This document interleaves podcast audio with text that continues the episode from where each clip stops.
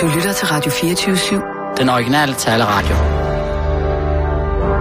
Velkommen til den korte radioavis med Rasmus Bro og Kirsten Birgit Schøtz-Krets Hørsholm. De er sgu meget gode, Sissel. Tak. De skriver også godt. Mm. Hvad synes du, Kristoffer? Jamen, jeg er helt vildt glad for min. Jeg har lige delt videoen. Godt.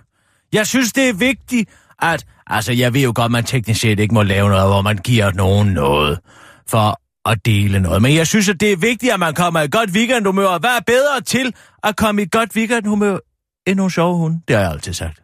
Hvor har du dem fra? Kuglepindene. Ja. Ja, det er jo dem, som Ekstrabladet siger ikke, vi ikke findes. Mm. Over i Polen, ikke? De der polske mælkkuglepinde. Jamen, hvor har du dem fra? Hold du din kæft med det. Selvfølgelig.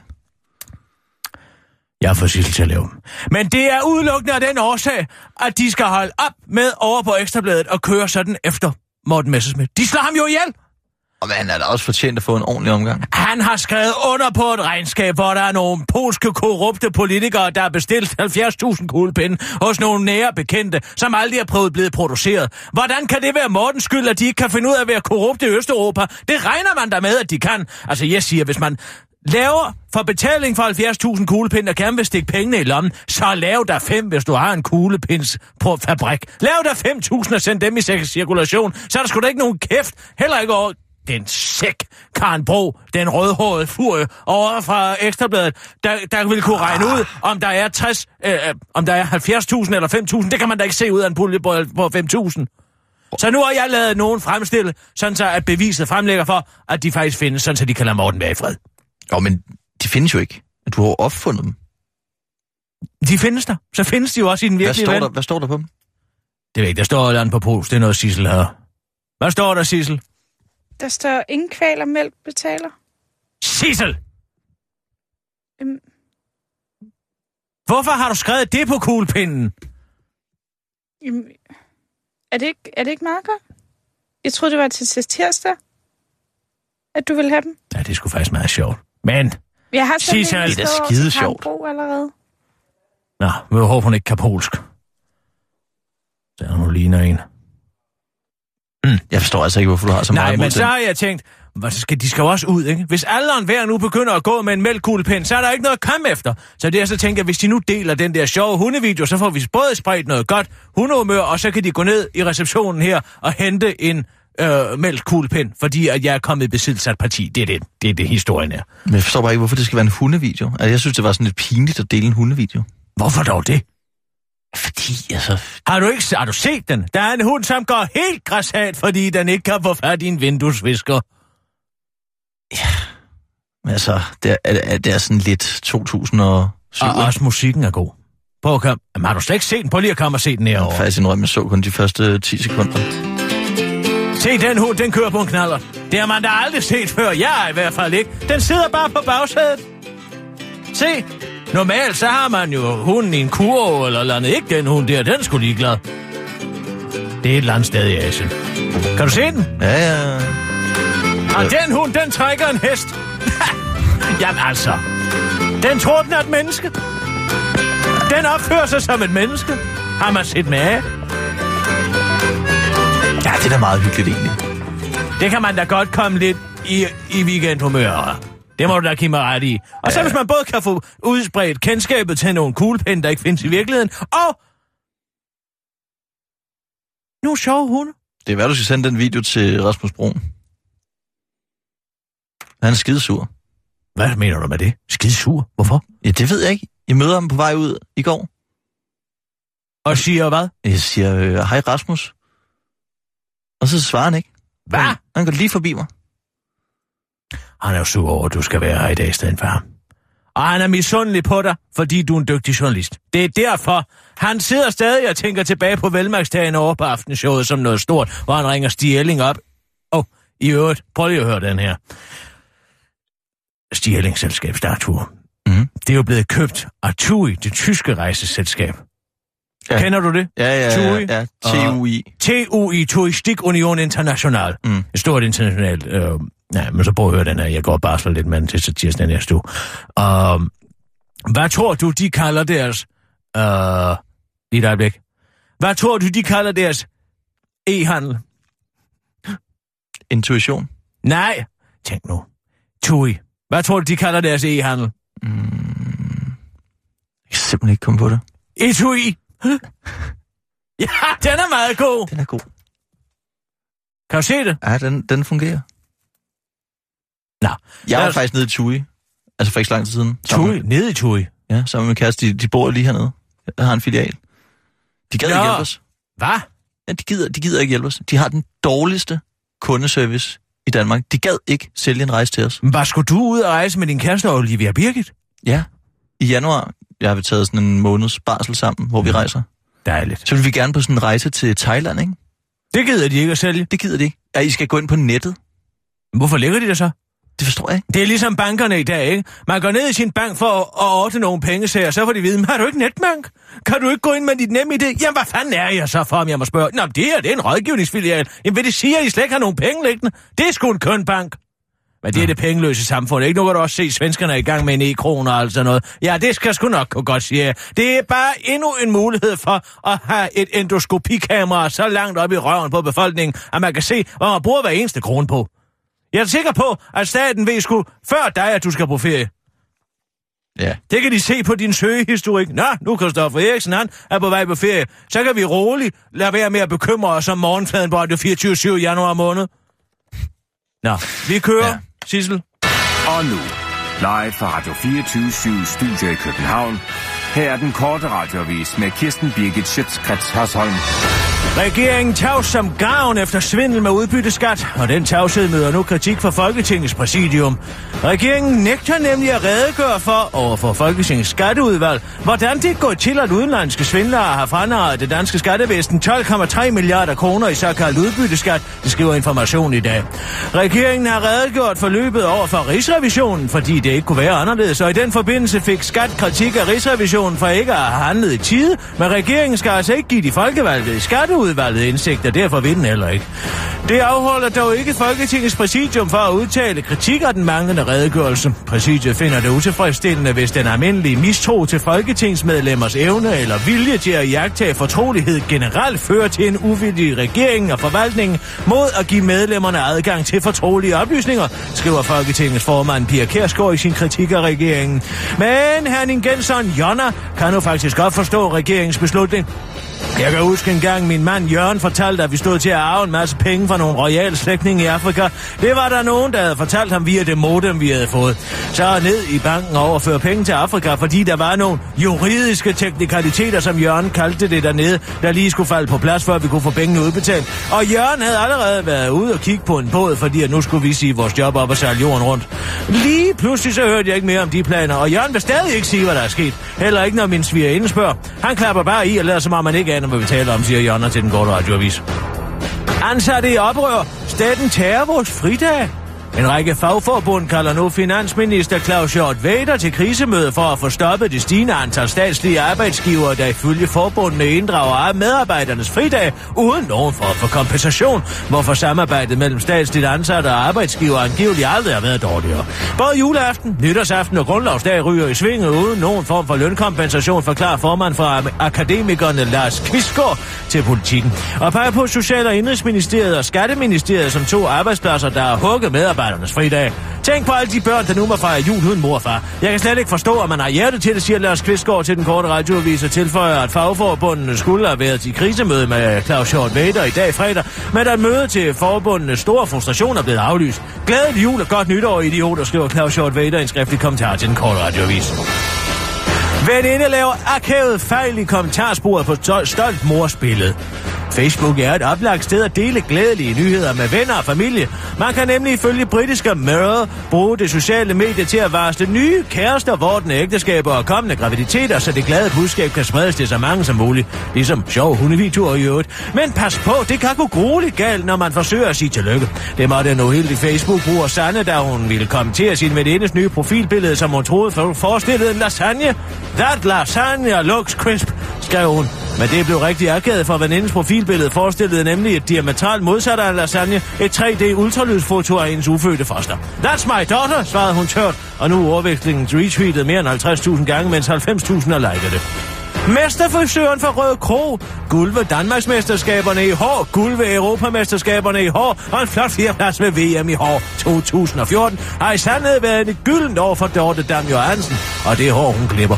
Når den 26-årige mesterfrisør ikke vinder priser for flot hår, så driver hun på 6. år Salon Deluxe i Røde Kro, hvor hun ifølge familie og venner bruger det meste af sin tid på at give folk flot hår. Så stort tillykke til Dorte Dam Johansen. Det var den korte radioavis med Kirsten Birke Sjøtskrets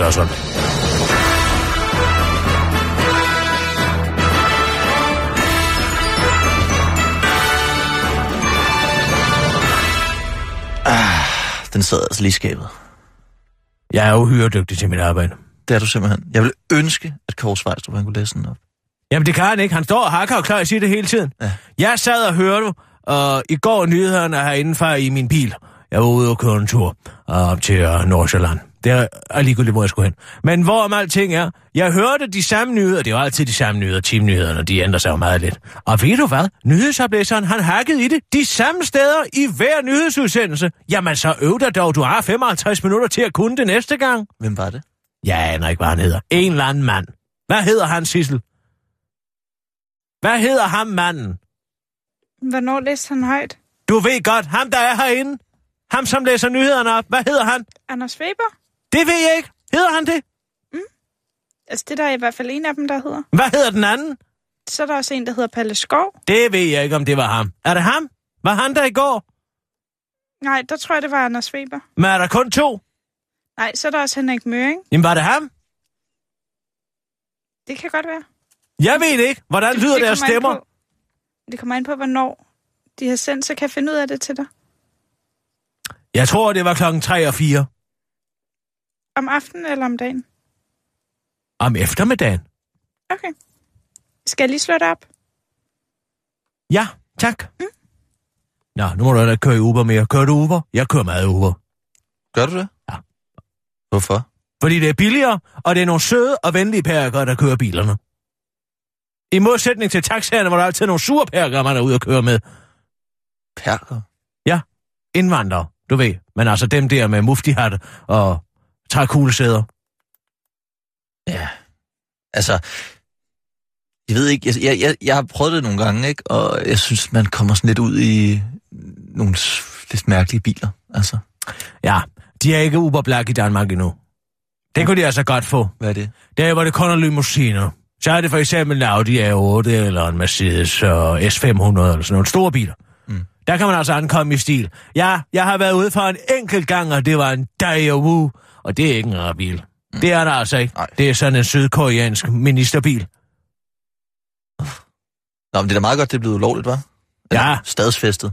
Stadsfæstet. Ja, der er en præsident, som de kalder det. Men...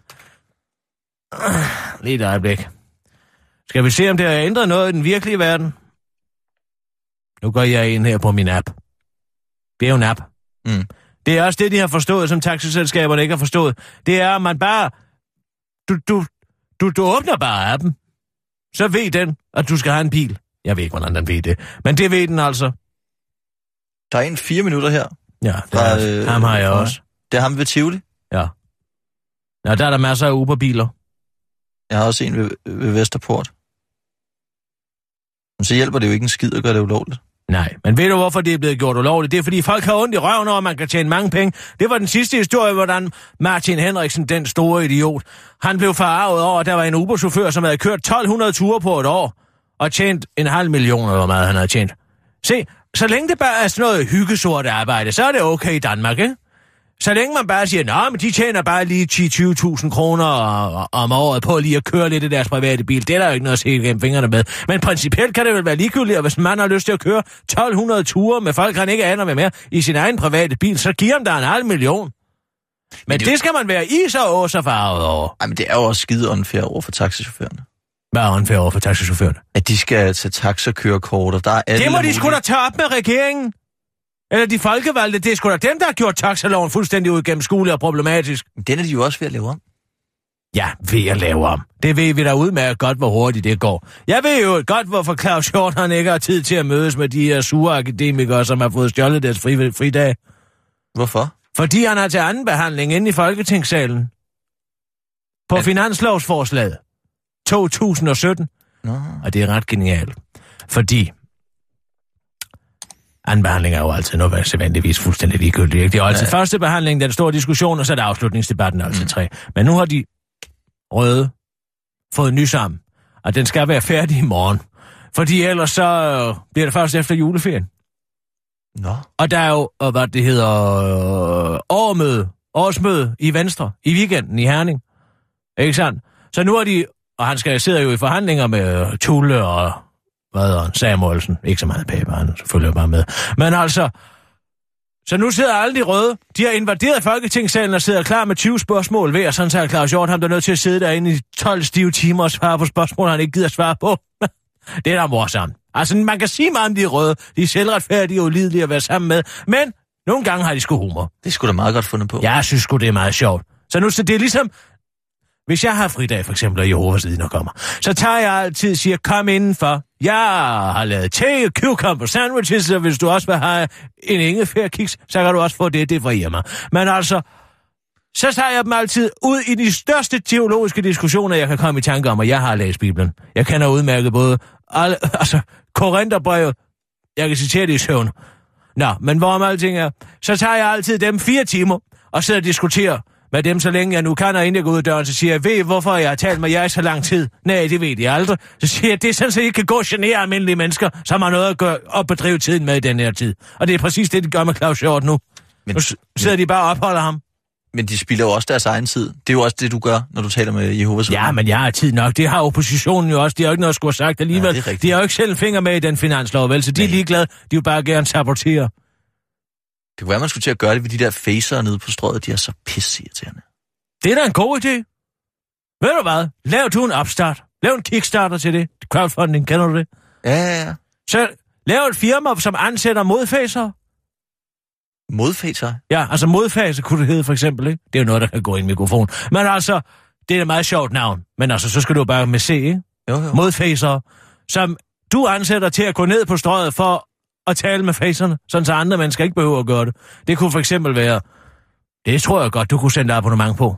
Hvis du gerne vil kunne gå fra og Nørreport station til Storkespringvandet uden at blive antastet af folk fra WWF, så kan du tegne et abonnement på 20 kroner om måneden, og så kan du få lov til at gå i fred på gader og stræder.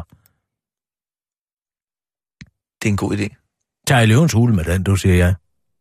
Jeg blev ja. sågar antastet af en munk i går inde ved Østerlands tehus. En munk?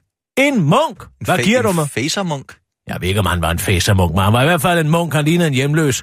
Ej, han lignede faktisk en, han lignede en mellemting mellem en grønlands hjemløs og en sherpa, men hvorom alting er, han kommer løbende ud efter mig og siger, hov, du ligner en, der læser mange bøger. Jeg siger, ja, det gør jeg sgu da også. Men fanden ville jo sige nej til det, ikke? Mm. Meget få, måske i Tranholm. Men, så siger jeg, og hvad så? En, ja, jeg er munk for et eller andet, nu kan jeg altså ikke huske, hvad han sagde. Det var ikke Harald Krishna, det var det, jeg var forberedt på, men han var ikke orange nok. Og så siger han, interesserer du... Nej, hvad fanden sagde han? Jeg er munk for den og den religion. Så siger jeg, jeg interesserer mig ikke for Østens filosofi. Jeg er ikke koncerndirektør i Hummel, og jeg er heller ikke idiot. Så du kan bare pakke det sammen. Så siger han, hvad med eksistentialisme? Så siger nu skal du komme godt i gang, fordi jeg har læst Kirkegaard og Nietzsche, og dem tager jeg til enhver tid over for dit paperback mig, du står og prøver at prække mig på, ikke sandt? Så siger han, nej, nej, nej. Altså, jeg er jo munk. Jeg vil gerne forære dig den her på. Nå, så siger jeg, jamen altså, nå, ja, ja, men så giv mig da den bog, så kan jeg smide den ud for dig, ikke? Så siger han, jamen så skal jeg bare have en lille donation. Så siger han, men det er jeg ikke, siger Nå, siger han så. Jamen, du kan også mobile pay. Mobile pay til en munk. Altså, helt ærligt. Så siger han, det handler ikke om, hvorvidt jeg har midlerne til at donere til dit åndssvage foretagende. Det handler om, at jeg ikke har lyst til at give dig nogle penge. Så siger han, jamen, så kan du ikke få bogen. Så siger han, jeg vil sgu da ikke have din bog. Jeg har aldrig bedt om den bog. Du kan da skylde den ud i lukrummet for min skyld. Jamen altså, hvad er det for en omvendt logik? Hvis det er det, man får ud af at læse høstens filosofi, så siger jeg sgu nej tak. Det lyder altså også lidt om, øh, dengang jeg var i Paris, hvor... Øh, Gud, ja, men der er så mange af dem. Der er simpelthen... Der er, altså, det var så romager. Ja. Og de, øh, så, hårdt, så kom de så, så spillede de så øh, døve, og så skulle jeg skrive under på, at døve skulle have bedre vilkår. Og, øh, Hvorfor og der, gjorde du det? Det ved jeg ikke. Jeg tænkte, det mister jeg da ikke noget ved. Og så bagefter så øh, sagde de, at jeg havde skrevet under på, at jeg skulle give dem øh, 100 euro eller sådan noget. Nå, og hvad så? Har de tænkt, at jeg slæbte dig i retten, eller hvad? Ja, det, altså, jeg, jeg gik selvfølgelig også bare. Men det var da stadigvæk en irriterende oplevelse. Jamen, tænker for at hopper på det. Det må være, fordi der er nogen, der hopper på, og de tror, de har indgået en juridisk kontrakt med, kontrakt med en romer. Men det var jo det, munken prøvede på dig. Ja, altså, jeg skal sgu ikke understøtte deres foretagende. Under ingen omstændigheder. Nej. Nå. Sissel? Mm? Skal vi... Øh... Vil du Ja, vi er... ja, det vil jeg faktisk gerne. Lad os lige se. Jo, det er tidsnak til det. Kan jeg gøre noget? Giv mig en... Ved du hvad, har du ikke lyst til at sige klar parat skarp? Det giver mig faktisk en god start på nyhedsudsendelsen. Du skal bare sige det til Sissel. Ja. Sissel? Mm? Klar, parat, skarp. Og nu, live fra Radio 24 Studio i København. Her er den korte radiovis med Kirsten Birgit Schøtzgrads Hasholm. Sauron Pind har fundet ny knæ at hænge overvågningsfrakken på. Det er forslaget, der ikke vil dø, for den ene og justitshævner kan ikke slå ideen om et overlandsk overvågningsutopia ud af hovedet, og ønsker fortsat at kunne kigge med over skulderen på alt, hvad dansken foretager sig på internettet. Forslaget om stationslokning er dog tidligere blevet skrottet efter massiv kritik om ineffektivitet og store omkostninger for teleselskaberne, der vil blive pålagt at stå for udgifterne på omkring en milliard kroner. Men Sauron Pind har måske fundet en pille, der ikke er så bitter og sluge. Nu skal det nemlig ikke længere gemmes, hvem der er i kontakt med hvem, men bare præcis, hvor du er på et hvert tidspunkt af døgnet ved hjælp af master- og lokationsoplysninger. Så det kommer til at spare, det kommer til at, at spare øh, teleudbyderne 800 millioner kroner lige der. Og ved I hvad? Det kunne have reddet Danosan, hvis vi bare havde haft det her, siger Justitsministeriet implicit i en meddelelse. Manglende masteroplysninger var ifølge, nemlig ifølge Justitsministeriet skyld i, at politiet i første omgang ledte forgæves efter gerningsmanden til terrorangrebet i København i februar sidste år. Netop fordi gerningsmanden gjorde brug af internetkommunikation på en smartphone ved hjælp af et datasimkort, kunne politiet ikke finde ham, selvom de kontaktede teleselskaberne straks efter angrebet, som Berlingske skriver. Så tænk lige over det næste gang, du siger, at du er imod vold mod jøder, men samtidig står stejl på din personlige frihedsrettigheder, siger Søren Pind til den korte radiovis. Det nye forslag om masseovervågning af alle danske borgere skyldes også noget aktuelt, forklarer Søren Pind, der er nemlig også, det er nemlig også for at fange rockere og bander. Det er vigtigt for mig at sige, at dette skal ses som et led i regeringens rocker- og bandeindsats. Vi mangler det her for at kunne bekæmpe rocker- og bandekriminaliteten ordentligt, siger Søren Pind til øh, Berlingske og tilføjer til den korte radioavis. Det har I hørt om det problem, ikke? Der har været 21 skyderier siden juli. Er I ikke bange for at blive skudt? Spørger justitsministeren og siger, at han kan få den øh, frygt til at forsvinde, og forklarer også over for Berlingske, at rockerne og banderne i højere og højere grad kommunikerer via internettet. I modsætning til sidste år, hvor de primært kommunikerede via brevduer og hemmelige håndtegn, det stemmer i, i øvrigt også fuldstændig overens med rockerfilmen Pusher, hvor jeg så en af dem skrev en sms til en anden af dem, forklarer Søren Pind til den korte radioavis. Nisse ville anmelde indbrud. Alarmcentral hævdede, at adressen ikke eksisterede. En regulær møgssager i disse dage under opsejling for Alarmcentralen, og nu melder filmproduceren Nisse Kolse sig i koret af utilfredse borgere, der på den ene eller på den anden måde er blevet mobbet af Alarmcentralen. Nisse ringede til Alarmcentralen fra sit kontor hos selskabet Station Next i Filmbyen i København, mens fem mulige indbrudstyve bankede på døren, hvor til operatøren på Alarmcentralen hævdede, at Nisse på ingen måde øh, kunne befinde sig der, hvor han påstod, at han befandt sig, fordi der ifølge det officielle adresse adresseregister ikke var en bygning på adressen, og fordi operatøren ikke gad tjekke Google Maps. Jeg gad ikke mere pis den dag, uddyber operatøren til den korte radiovis og fortsætter. Jeg troede, det var en joke. Personen hed Nisse og befandt sig på et falsk sted på kortet. Hallo, julemanden, afslutter han. TV2 får virkelig noget for pengene disse dage. Søger du skal finde, sagde Matthæus engang i et evangelie, og det har lige siden brændt sig fast på journalisters nethinde. Søg agtindsigt, og du skal finde god historie. Det er bare ikke altid, man får noget ud af søge agtindsigt. Derfor var glæden rigtig stor hos TV2, da de gravede og fandt guldstøv og bare blev ved, med, ved og ved med at grave.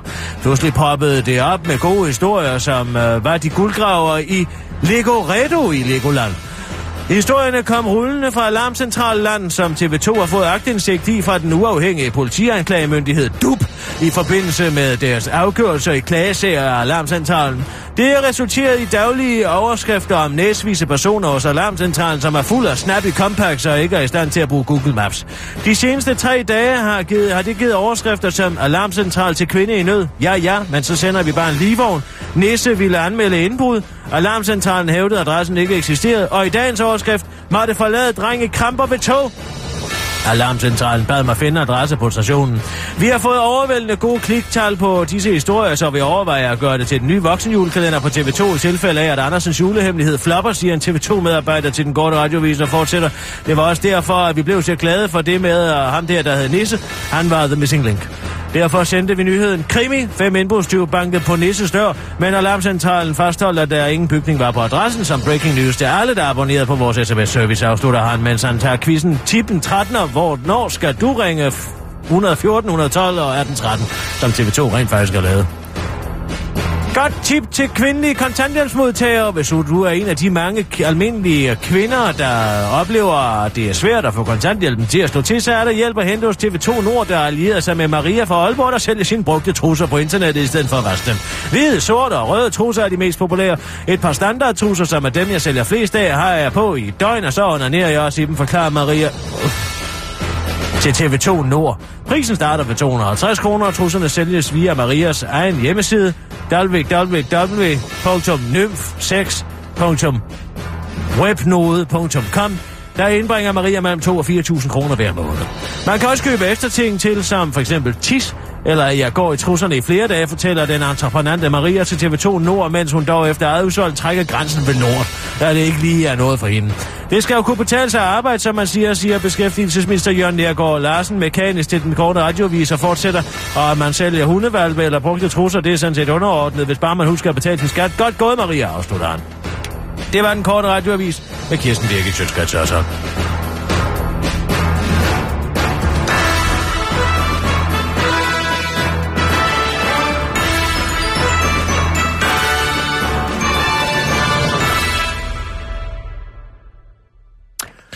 Har du hørt det her med uh, den uh, kunstneutrale snerydning i Stockholm? Det er altså en historie, oh. som vi godt kunne lave i morgen. Nej, jeg, det, jeg kan ikke mere Sverige gak. Men det er da interessant at se et broderfolk, som er gået så langt ud af en tangent. Kønsneutral snerydning. Kønsneutral snerydning, det er altså fordi, at vejbanerne i Sverige bliver ryddet først. Altså, det bliver... Øh, øh, fortovene bliver forfordelt simpelthen. Og øh, det er et problem, fordi det primært er mænd, der kører bil, siger de deroppe, ikke? Men det er selvfølgelig gået helt gakkelagt, da der så faldt den første øh, sne i Stockholm, så stoppede al trafik, fordi at, ja, kørebanerne ikke blev. Det er åbenbart kvinder og børn, der primært bruger fortov, så derfor skal de have lige så, de skal prioriteres i lige så høj grad som kørebanerne. Og nu er der også oh. den der mansplaining hotline. Ja, den læste jeg godt om. The Independent der. Ja, præcis. The Independent. Ja. Og jeg forstod aldrig rigtig ideen med det. Altså, altså, mansplaining er jo, når en mand fortæller en kvinde, at øh, noget hun i forvejen godt ved, uden at have blevet spurgt om, øh, om man vil forklare det. Mm. Det er mansplaining. det, det er definitionen. Det er definitionen på mansplaining. Oh, Er du blevet mansplanet til? Det, det ved jeg ikke. Skal vi ikke... Øh... Skal vi ikke lave noget sjovt? Hvad, hvad tænker du på? Skal vi ikke lave telefonfis med den hotline? Hvad siger du? Det er fredag. Er det derfor, at Christian Danholm har slips på? Ja, han kører sådan noget, der hedder formel fredag.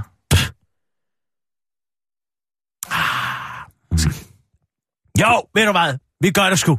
Det er sgu meget sjovt. Hvad skal vi sige? Men lige et øjeblik. Ja, hvad skal vi sige? Det er en mansplaining hotline, ikke? Hvad med, at man vender bøtten 180 grader? Hvad med, at du siger, at du er en mandlig ansat, som er blevet mansplanet til af en kvinde? Det er sjovt. Og hvad med den her? Vent lige et øjeblik. Hvad med, at det, du er blevet mansplanet om, det er, hvad mansplaining er? At det er lidt avanceret, men Det hedder meta. Ja. Det er metalag. Ja. Altså, du er en mand, som i forvejen godt ved, hvad mansplaining er. Men din kvindelige chef har stået og belært dig om, hvad, mans, hvad mansplaining er for noget. Og det føler du er mansplaining. og så laver vi et twist undervejs. Hvad er det twist? Du kommer ind Hvad? Hvad gør jeg? og spørger, hvad jeg laver, Ja, og leger min chef. ja. Din kvindelige chef. Ja, og Ja. så siger jeg, jeg, jeg taler i telefon, og så forklarer du mig, hvad en telefon er. Det er sjovt. Det er sgu morsomt. Det er en aftale. Sissel, Mm. Kan du stille os igennem til hotline derovre? Vi skal have lidt fredagsshow. Ja. Ej, men ved du hvad? Det er rigtig godt. Fordi jeg er faktisk blevet i godt humør af at se de hunde, men jeg mangler lige det sidste spark. Jeg skal til jazzkoncert i aften. Hedder den mansplaining uh, hotline? Jeg ved ikke, hvad den hedder. Det er øh, en forforening, der kører den.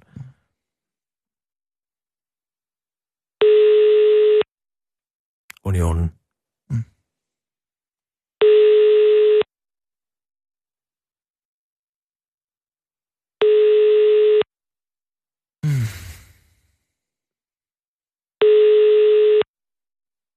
Kan jeg vide, om det er en mand eller en kvinde, der tager den? Det er øh, feministiske politikere og kønsforskere. Øh, forskere. Som sidder og tager den? Eller det gør de så åbenbart ikke. Men det kan jo både være mænd og kvinder i Sverige, ikke? Altså sådan nogle feminister. Ja, man kan ikke se forskel på mænd og kvinder i Sverige efterhånden. Der er ikke nogen forskel. Det er sådan en stor androgyn masse. Skal jeg sige, at jeg er mand? Altså for at, at Jeg beklager, jeg er en mand. starte med det? Ja.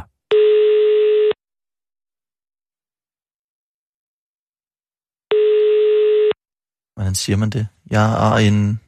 Jeg er en mand. Ursäkta, jeg er en mand. Ursäkta, jeg er en... Ursäkta, jeg er en mand. Ja, det er lidt norsk, men det er fint nok. De forstår det sikkert godt. Ja, de ser vel også skam derovre. Det ved jeg ikke. Det ved jeg ikke, om er populært.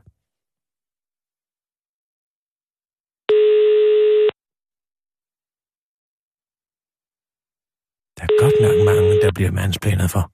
Mm. Er der slet ingen telefonkø, Sissel? Nej, det tror jeg ikke. Det er jo sidste dag, at den der hotline er på, ikke? Er det det? Er vi ude i 11. time, Sissel? De lukker klokken 18. Uh, jamen, så er det nok alle dem, som har gået og kogt over med noget mandspænding i løbet af ugen, som lige skal have det sidste telefon komme opkaldt ind herinde fredag kl. 18. Det ser man jo også på borgerservice, har jeg hørt. Der er mange, der lige skal ned i sidste øjeblik inden weekend og høre op, hvor deres kontakt er blevet af, for eksempel. Men det er jo sådan med satire, man, vi skal jo eskalere den, ikke? Hele tiden. Så du skal blive meget voldsom til sidst, når du Ja, det er sandt. mansplaner over for mig. Hallo? Er, er den igennem? Nej, jeg, det ser ud som om, den røg ud. Prøv igen, Sissel. Nej, jeg tænker bare, at der, altså efter, Hvad skal punchline være? Måske skal det bogstaveligt talt være en punchline. Måske du begynder at tæske mig. Altså Mm. tæsker mig med en telefon. Men så vil de nok fatte mistanker Altså til, at det er... om, at det er gas. Nej, Det tror jeg simpelthen bliver for komisk. det kan godt være. Det er jo den balance, der altid er med telefon. Jeg, kan, jeg holder jo altid mest af de verbale. Af de verbale punchlines. Ja. Jeg er ikke så meget til det der slapstick.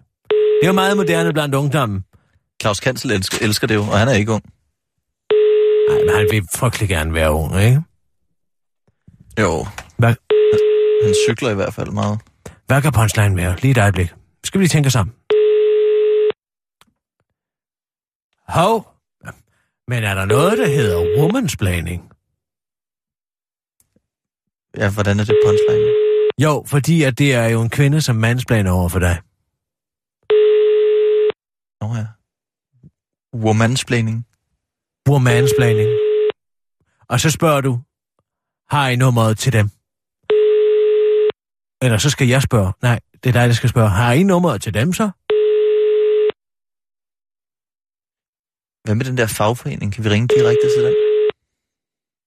Kan vi det, Sissel? Mm. Nej, vi gør andre om, altså. Så ring til dem.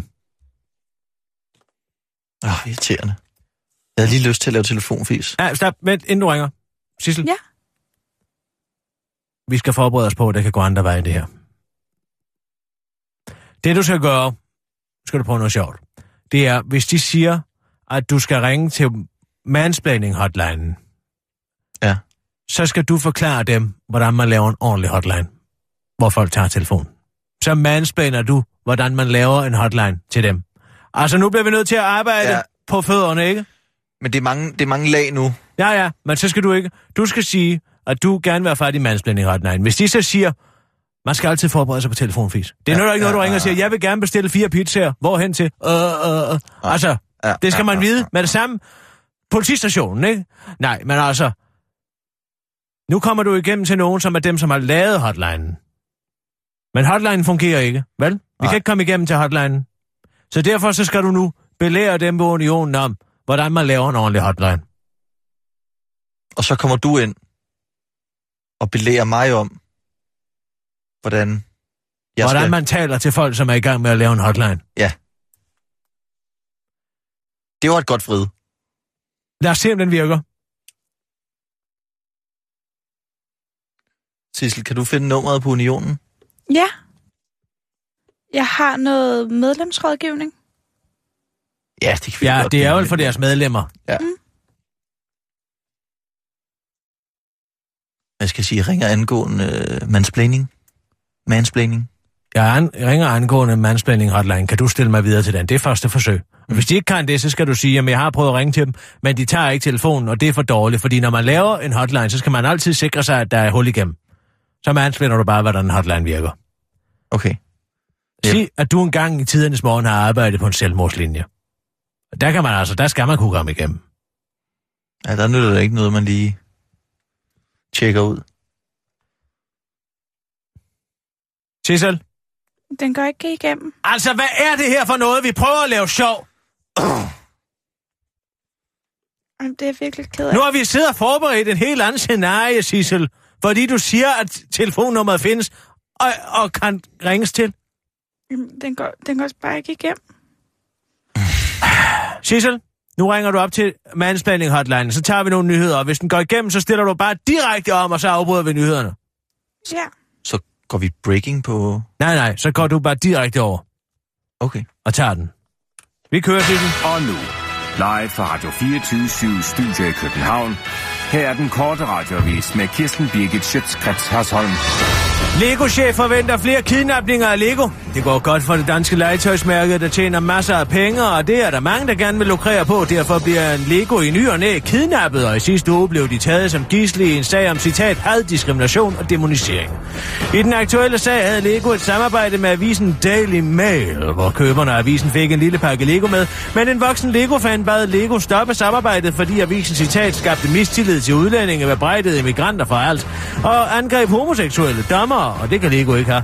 Tidligere er Lego blevet anke- kidnappet i sager om miljøbeskyttelse og nuttet pelsdyr og af den tykke kineserkunstner Ai Weiwei.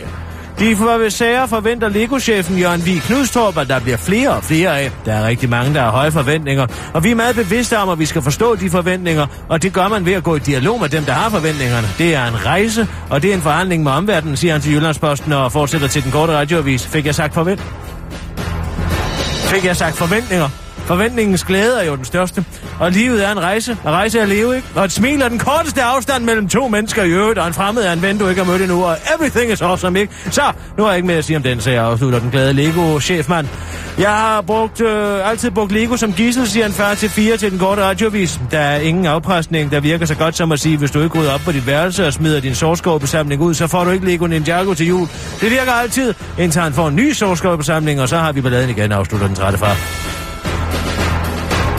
Sådan gør vi, når vi fjerner en afgift.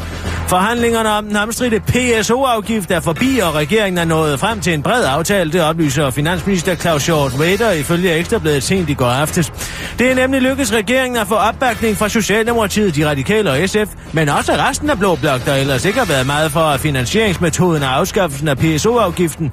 Afskaffelsen af PSO-afgiften finansieres nemlig ved at hæve bundskatten, noget såvel Liberale Alliance og de konservative kategorisk har afvist at være med til, men begge liberale partiers formand formår spinde en skattehævning til noget positivt. Pape forklarer, at det kommer virksomheder til gode, og Samuelsen forklarer, at vælger at fokusere på den del af Liberale Alliances valgløfter, der gik på at få afskaffet PSO-afgiften, og ikke så meget på den der del med skatten, der gerne skulle ned. Vi er det eneste parti, der gik til valg på at afskaffe PSO-afgiften, og nu bliver den fjernet. Det er svært at sige nej tak til, siger han til DR, og siger Anders Samuelsen til DR og tilføjer til den korte radiovis. Nogle gange så ved jeg også godt, at jeg er på kur, men så lokker en tjener alligevel med chokoladekage eller en pecan pie, og det er også svært bare at sige nej til. På spørgsmål Spørgsmålet fra den korte radioavis til finansminister Claus Hjort Vader om, hvorfor man ikke bare fjerner en afgift uden at pålægge borgerne en skat, forklarer ministeren, at nu er det her jo Danmark, og her kan man ikke bare afskaffe en betaling, og, øh, men man kan lave en afgift om til en skat, eller en skat om til en afgift. Mere er der sådan set ikke at gøre. Ministeren vil dog gerne over for den korte radioavis fortælle, hvordan han fik ideen til omlægningen, der danner grundlag for den brede aftale. Jeg stod nede ved kassen i Irma. De havde øh, tilbud på kaffe, og så kom der sådan en østeuropæer ind og skulle veksle en plovmand. Og først skulle han have 200 kronesedler og en 100 lapper, men så pludselig ville han heller 100 kronesedler, og så 50, og til sidst, så var den fattige kassedame så snart forvirret, at hun slet ikke opdagede, at det var et trikteori. Så jeg besluttede lige der, at hun nok heller ikke ville opdage, hvis jeg lod hende betale for en fjernelse af en afgift, der kun kommer de mest velhævende til gode, afslutter Hjort Vader til den korte radiovis og forklarer uden for citat, at årsagen til, at alle kunne blive enige og så hurtigt enige om, at afskaffelse af PSO-giften er i virkeligheden, fordi at PSO-afgiften, som danskerne har betalt i 10 år, cirka 4 milliarder kroner om året, har været ulovlig, men at vi nok ikke skal regne med at få nogle af de 40 milliarder kroner igen. Selfie Time i Randers Storcenter. I forbindelse med lanceringen af popbandet Candice 17. musikudgivelse Candice 17, har Candice indgået øh, et samarbejde med Kvickly, der tilbyder deres kunder en eksklusiv Candice-pakke, som indeholder Candice 17, bogen Festen uden ende, samt to koncertbilletter til en eksklusiv Kvickly Candice-koncert. Hele pakken koster kun 199,95, men det bliver bedre endnu. Skynd dig der til Randers, hvor øh, Candice kommer smut forbi Kvickly i Randers Storcenter, hvor Candice Johnny vil stille op til selvfødes. I tidsrummet mellem 16 og 16.30, hvor Candice Johnny også vil sige hej til sine fans og signere CD'er. Man kan også få signeret en banan eller en dåse brun bønner eller sin baby, forklarer øh, Candice Johnny smilende til den korte radiovis, der faktisk lige er blevet gjort opmærksom på, at arrangementet i Kvickly i Randers Storcenter fandt sted i går torsdag. Så bliv bare hjemme. God weekend derude. Nå, det var da antiklimatisk. Vi vil ikke tage for de ældre for at give til de syge, og vi vil heller ikke tage for de syge for at give til de syge. Det er særligt Dansk Folkeparti, Liberal Alliance og Alternativet, der har presset på for at få en politisk aftale om et fireårigt forsøg om lægeordineret cannabis. Men der er indtil videre ikke afsat en eneste krone til projektet, hvilket betyder, at patienterne, hvor mange er på overførselsindkomster, vil stå med hele regningen på omkring 2800 kroner om måneden selv. Derfor har politikken ringet til de respektive sundhedsordfører for at finde ud af, hvad de vil gøre ved problemet. Vores Alternativet foreslår man at rykke grænserne for gratis influenzavaccine fra 65 til 70 år og at rykke grænsen for medicintilskud for kronikere med 100 kroner, så patienter fremover kan købe medicin for 1000 kroner i stedet for 900 kroner, før tilskuddet blev udløst. Vi kan heller ikke støtte de to forslag fra Alternativet, siger Dansk Folkeparti's sundhedsordfører Lislald Bæks til politikken og fortsætter. Vi vil ikke tage noget fra de ældre og give til de syge. Hvad angår tilskud til kronikere, har vi samme holdning. Vi vil ikke tage penge fra de syge. Det er forfærdeligt, afslutter hun og understreger. Hun selv er kommet med et forslag, der vil skaffe 150 millioner kroner, men hun ikke vil fortælle øh, politikens journalist om det. Der er den korte radioavis fanger ind på en telefon fra LaLandia, der var meget mere snaksagelig. Jeg synes, at muslimerne skal betale for cannabisen. Det kunne klæde dem, synes jeg, afslutter hun, mens hun glider i et brugt plaster. Det var den korte radioavis med Kirsten Birgit Sjøtskrets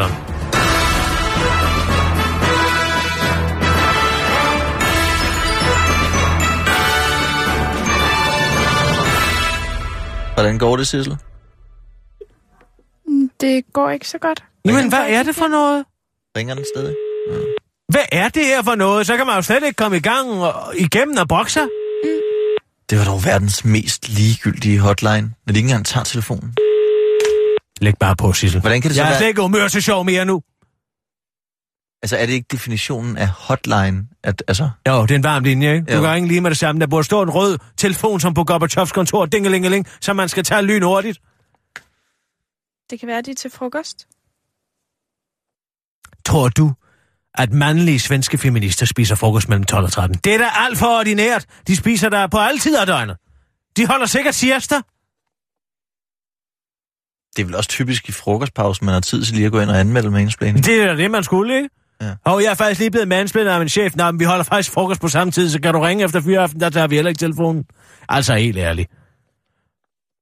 Jeg er Nå. mere oprørt over den her PSO-afgift. Ja, jeg må indrømme, Er du med i den sag? Ja, men jeg er ikke så godt inde i den. Altså, vi betaler det over 4 milliarder kroner om det om året, danskerne.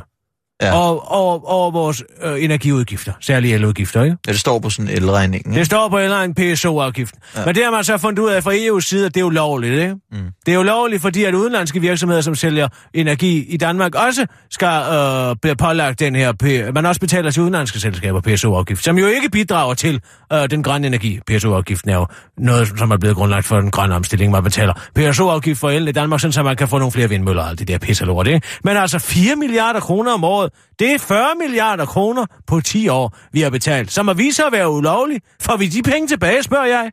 Nu har alle de her danskere gået rundt og betalt, altså milliarder af kroner. 4 milliarder kroner, det er mange penge. Mm. Det er næsten 1000 kroner om måned om året per person i Danmark. Hallo? Det kommer vel også an på, hvor meget el man bruger, ikke? Altså, du, du bruger meget el. Jeg bruger fandme meget el. Ja. Men jeg har også mange elektriske dibedutter og dimsedutter. Jeg er jo meget med, altså på hele, øh, hvad skal vi sige, techbølgen. Ja, kan man lige så godt sige, som det er. Det er jeg altså. Olivia Birgit var helt vild med den der massagestol. Jamen, er det ikke sandt? Jo. Det er dejligt at sidde i den, ikke? Jamen, hun, hun Og det er sjovt, for hun kan jo slet ikke få benene ned i de der lommer, Nej. man skal have benene ned i. Det er jo bare Shinto-massagen i ryggen, hun har holdt af. Bare det der med, øh, at det rystede lidt, tror jeg. Ikke? Ja, men det ved jeg, jeg sidder tit i den selv. Men altså, det værste af poolen, den tager altså noget ihjel. ja, det er klart. Altså, og, og, og varme... Ja, hvor meget er der i? Det er 3 gange 7 meter, ikke? Det er 21, så er den verden i gennemsnit. Halvanden meter dyb, ikke? Det er 21, det er... Ja, det er 30.000 liter vand, godt og vel, ikke? Op til øh, 25 grader, det koster nogle penge, det gør det altså. Og jeg har slet ikke tænkt på, hvad jeg har betalt i PSO-afgift. Men jeg siger bare, at når man har indkrævet en skat, eller en afgift, ja, man må jo kalde det en afgift, det hedder en afgift, det er jo sådan en P-afgift, det er jo ikke en P-bøde, vel? Men altså, hvis man øh, må opkræve det 40 milliarder kroner ulovligt, dem skal vi sgu da have tilbage. Men så i stedet, så hæver de bundskatten, ikke? Ja, nu hæver de bundskatten, ikke? Det er jo en rent polsk. Så gør vi lige sådan, dip, dup, dat, og så er der ingen, der opdager det. Hvem skal betale for det? Det skal de færdige. Ikke? Men det er godt for virksomhederne, for nu skal de ikke betale alt det, når de svejser. Alt det, som tager meget energi, ikke? Men tænker altså på 12,5 milliarder, som man ikke vil redegøre for over for skatteudvalget, altså de folkevalgte inde på Christiansborg. Hvordan i alverden de er sluppet ud af skattekassen, ikke? Det er 12,5 milliarder der. Plus 40 milliarder, der, og 52,5 milliarder. Så er der de 15 milliarder i ejendomsvurderinger, som man har indkrævet forkert. Ikke sandt? Så er vi oppe på, ja, 68 milliarder, ikke? Og så har du øh, 92 milliarder i manglende restskatter, fordi EFI ikke virker. Altså skatteinddragelsessystemet. Vi er oppe på næsten 150 milliarder, som de skatte, danske skatteborgere har til gode, og som skal øh, findes, ikke? Det er en tiende del af Danmarks bruttonationalprodukt, der bare man ikke lige kan finde. Ja, det er forstemmende. Ja, det der ved Gud i himlen, det er en tiende del af vores bruttonationalprodukt. Og i modsætning til det folkevalgte, så ved jeg faktisk godt, hvad bruttonationalproduktet er. Og det er fandme mange penge.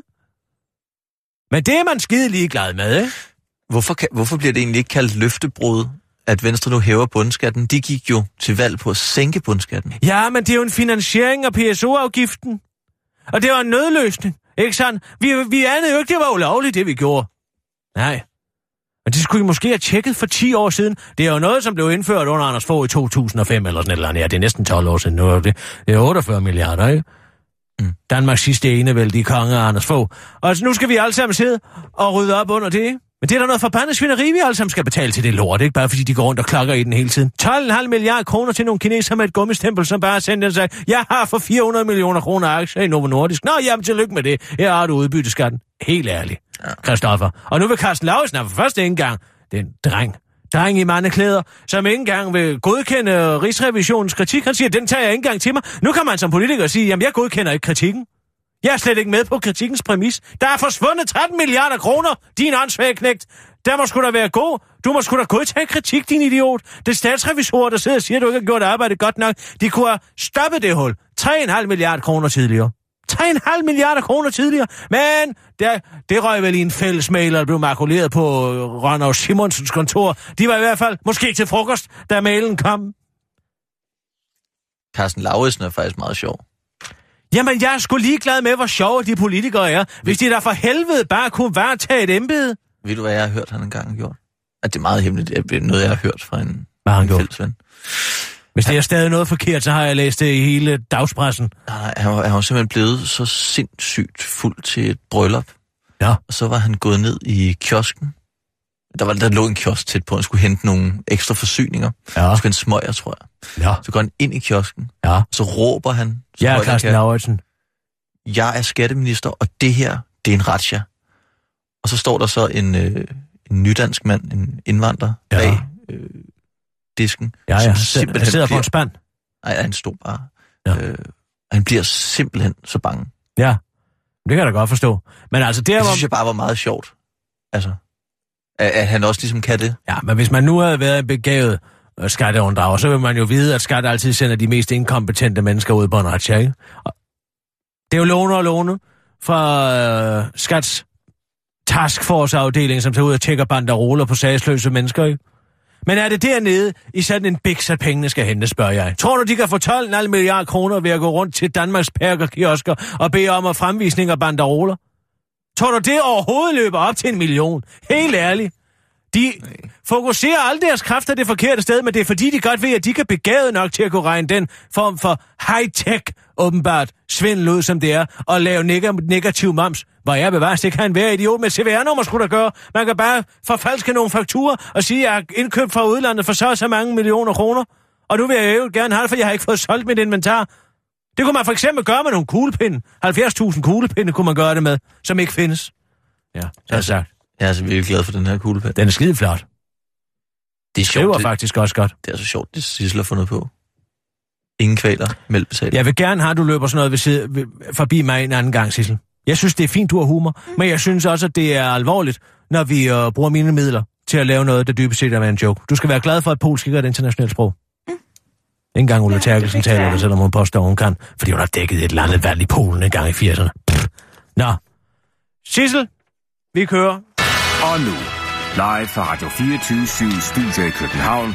Her er den korte radiovis med Kirsten Birgit Schøtzgrads Hasholm. Obama og Merkel siger farvel med en 10 meter. Det skulle jo ske før eller siden, det vidste de begge to godt, selvom de der havde haft et dejligt partnerskab og med godt samarbejde og god kommunikation, så skulle deres forhold have en ende en dag. Og det blev muligt at fortsætte, selvom de længe havde klaret de la- et langdistanceforhold. For at afslutte med et positivt minde, spiste Barack og Angela i går en intim middag sammen på Hotel Adlon i Berlin, byen hvor det hele startede. Efter offentlig kys og kram blev lørene lukket, og det eneste pressen har fået ud at møde er Baracks bøn om, at Angela skal passe på de små baltiske lande, når han ikke længere er der til at huske hende på dem. Desuden øh, kaldte han hende citat den mest stabile og pålidelige partner, man kan forestille sig, det skriver Jyllandsposten. Jeg havde da håbet på, at øh, otte års partnerskab havde givet lidt mere arse. Jeg mener, hvem gider kalde stabil og pålidelig? Det kalder alle mine venner mig også. Men jeg skal nok passe på de meget små øh, på baltiske lande. Også hvis jeg kommer i et kompliceret forhold med Putin, den bad boy, siger en lidt såret Angela Merkel til den korte radioavis. Så mange dage gik der før Tina Lund var tilbage i sadlen efter sin fødsel. De fleste fødende kvinder ville nok ifølge BT tænke, wow, når de hører, den, øh, at den smukke ridebabe Tina Lund allerede til, var tilbage i sadlen kun 20 dage efter hun fødte sin datter. Men den er god nok, skriver hun på sin blog. Yay! Så er jeg på hesteryg igen. 20 dage efter jeg er født, skriver Tina Lund og fortsætter min far holdt øje med Lille, mens jeg er red. Allan er jo stadigvæk på forretningsrejse, skriver hun og refererer til Lili og Allan øh, til sin, øh, og refererer med Lili og Allan til sin datter og sin mand.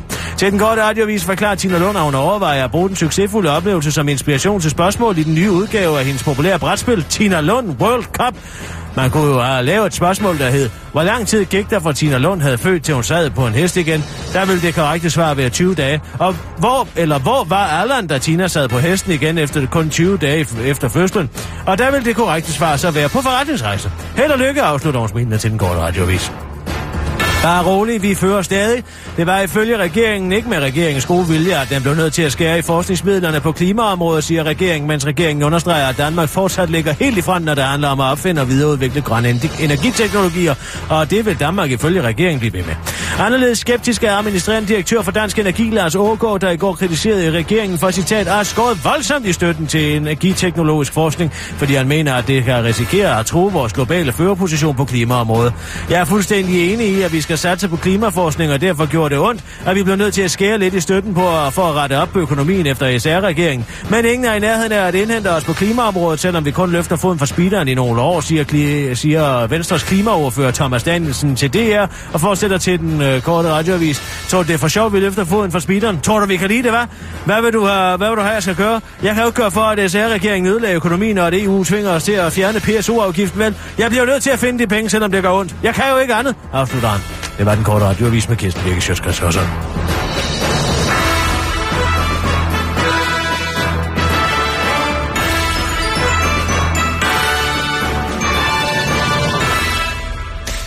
Kissa, hvad skal du lørdag?